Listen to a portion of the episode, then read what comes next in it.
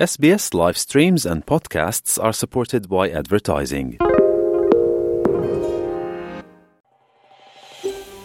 ඔබ රැඳී සිරින්නේ SBS සිංහල සේවය සමකෙන් වැඩිතුර තොරතුර දැනැනීමට පිවිසන්න ps.com.ta/ සිංහල වෙපඩවයට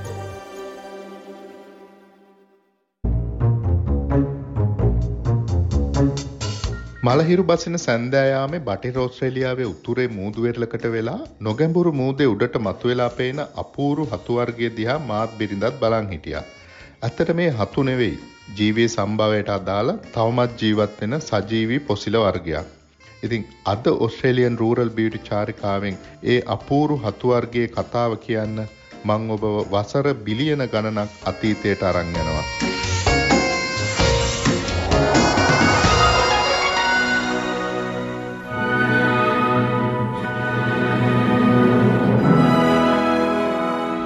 අලුත් අවුරුද්දේ හාපුරා කියලා ඔස්ට්‍රේලියන් රූරල් බියුටි චාරිකාව යන්න මා සමග එකතු වෙන ඔබ සියලු දෙනාටම සාමය සතුට නිදුක් නිරෝගී බව ප්‍රාර්ථනා කරනවා. ඉතින් සිංහල අලුත් අවුරුද්දට නම් අපි නෑගම් යනවනේ. සිංහල අවුරුද්ද නොවනත් ඒ වගේ නෑගමනක් තමයි අද අපි යන්නේ. ඒත් ලංකාවට නෙවෙයි. බටහිර ඔස්ට්‍රේලියාවට. ඒ අපේ ඉන්න පැරණිම නෑදෑයු කණ්ඩායමක් බලන්න. සුදු පාටට කළු පාටට සහ දුඹුරු පාටට ඉන්න අපි සීලු දෙනාටම ජීවිතය දුන්න එහෙම නැත්නම් පෘථුවිය මත ජීවයේ මුල් පුරුක වෙච්ච ජීවී කොටසකගේ තවමත් ජීවත් වෙලා ඉන්න සජීවී කණ්ඩායමක් බලන්න තමයි අපි යන්නේ. ඉතින් අපි යන්නේ බටහිර ඕස්ට්‍රේලියාවේ පර්ත් නගරේ ඉඳන් උතුරට කිලෝමීටර් 800ක් විතර ගියාම හම්බ වෙන හැම්ලින් පූල් කියන මූදු වෙරළට. එහෙම නැත්නම් මූදු බොක්කට.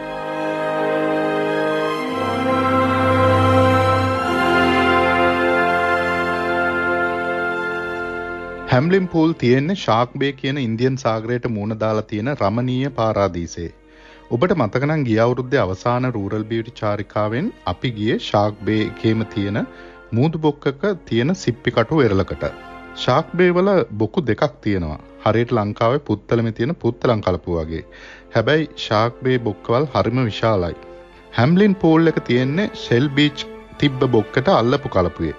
ඒ කලපුවේ තියෙන ස්ට්‍රොමැටෝලයිට්ස් කියන අපූරු සජීවී පොසිල තමයි අද අපි බලන්න යන්නේ. මීට මාස දෙහකට විතර උඩදී මට පර්ත් නගරේ ඉඳන් කිලෝමීටර් 200ක විතර උතුරෙන් තියෙන පැත්තක රාජකාරී කටයුත්තකට යන්න වුණා. ඒක දවසකින් දෙකකින් ඉවර වෙන්න නිසා මාත් බිරිඳත් කතා වුණා ඊට පස්සේ ශාක් බේ වලට ගිහිල්ලා දවස් කිහිපයක් ගත කරන්න. ඉතින් අපි සතිය මැද්දේ දවසක දවල් වරුවේ බටහිර ඕස්ට්‍රේලියාවේ උතුරට යන ග්‍රේට් නොදර්න් කෝස්ටල් හයිවේ පාරේ පිටත් වුණා. එහෙම ගිහිල්ලා ඕලෑන්ඩ කියන හරියෙන් හැරිලා තවත් කිලෝමිටර් තිහක් විතර ගිහිල්ල තමයි හැම්ලින් පූල් කියන වෙරල තීරයට ළඟා වුණේ. පර්ත්වල ඉඳං රථය පදවන්න අකමැති කෙනෙකුට ඕන්නන් ශාක්බේවලට ගුවන් මගින් යන්නත් පුළුවන්. හැබැයි එකක් කියන්න ඕනේ සමහර විට ලංකාවට ගිහින් එනවට වඩා ගානක් ගෙවන්න වෙන්න පුළුවන්.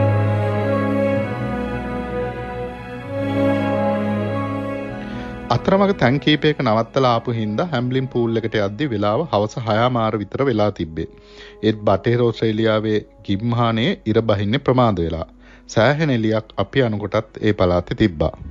අපි ප්‍රධාන පාරෙන් හැරිලා ටිකක් කැලෑබද ප්‍රදේශයක් තුලින් ගියේ.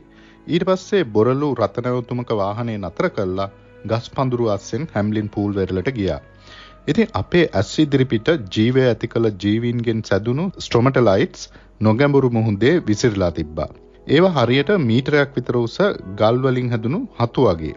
ඈතට දැක්කහම හිතෙන්නේ මූද තියෙන ගල් ගෙඩි කියලා.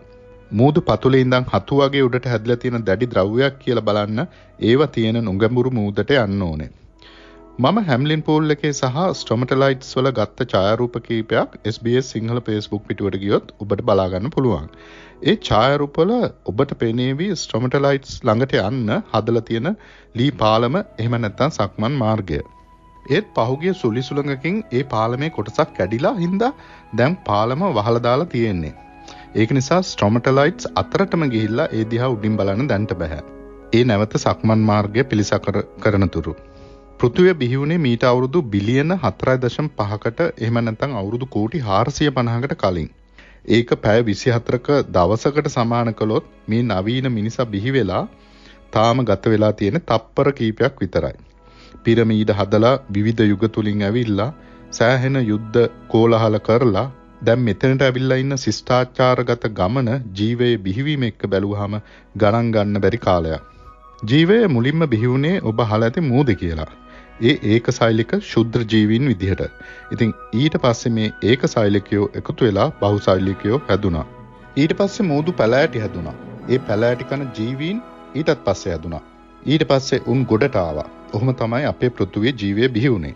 දැන්ට හොයාගෙන තියෙන විදිහට පැරණිම ඒකසෛලික ජීවීන් ඉඳලා තියෙන්නේ වසර බිලියන 3.8කට කලින්. එහෙම නැත්නම් අවුරුදු කෝටි 380කට කලින්. ඒක හොයාගත්තේ මේ වගේ ස්ට්‍රොමටලයිට්ස් තට්ටු අතර ඉඳලා. හැබැයි හැම්ලින් පූල් එකේ නෙවෙයි. හැම්ලින් පූල් එකට කිලෝමීටර් 500ක් විතර උඩින් තියෙන පිල්බාරා කියන මයිනින් ප්‍රදේශයේ තිබිලා අවුරුදු බිලියන 3.4ක් පැරණි ශුද්‍ර ජීවීන් ඉන්න ස්ට්‍රොමටලයිට්ස් හොයාගත්තා. ස්ට්‍රොමටලයිට්ස් කියලා කියන්නේ තද පාෂාණ විශේෂයක් වුණාට ඒව ඇත්තටම මැරුණු ෆොසිල. ස්ට්‍රොමටලයිට්ස් කියන ග්‍රීක වචනේ තේරුම තට්ටු සහිත ගල් කියන එක. ඉතින් ඇත්තට මේ පාෂාණ තට්ටු හැදුනේ අපූරු ක්‍රමයකට. හරියට කොරල් වගේ. ඔය අවුරුදු බිලියන ගානකට කලින් හිටපු ඒකසෛලික ජීවියෝ පස්සේ නීල හරිත ඇල්ගී කියන සයිනෝ බැක්ටීරියාවන් බවට පත් වුණා. ඉතින් උන් මූදේ නොගැඹුරු පතුල්වල ඉඳං ඉර එලිය අරන් ප්‍රභා සංශ්ලේෂණය කළා ඔක්සිජන් වාතයට නිකුත් කළා.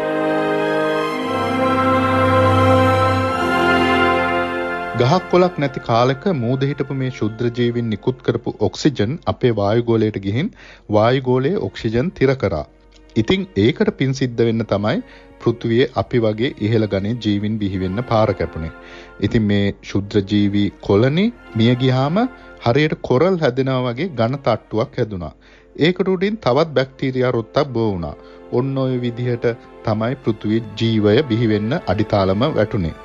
අවුරුදු බිලියන ගානකට උඩින් අතීතයේ මේ ජීවින් ස්ට්‍රොමටලයිට්ස් වල තැම්පත් වෙලා තිබීම නිසා ඊටත් වැඩි කාලයකට කලින් ජීවීන් හිටිය වෙන්න පුළුවන් කියලා විද්‍යාඥයෝ හිතනවා.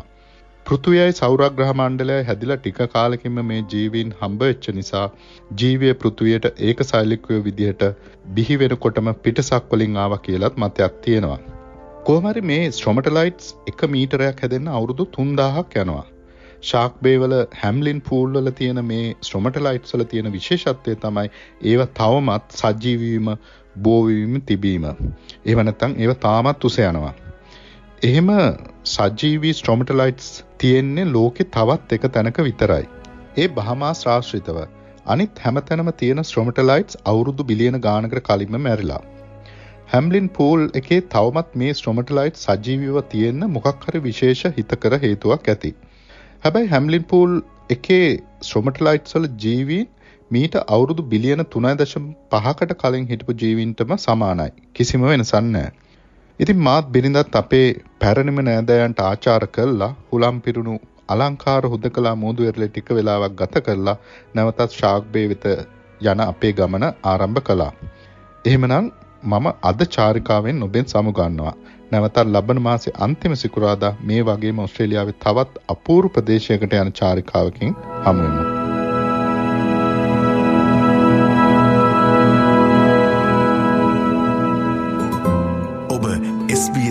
ගුවන්විතලිය සමගින්.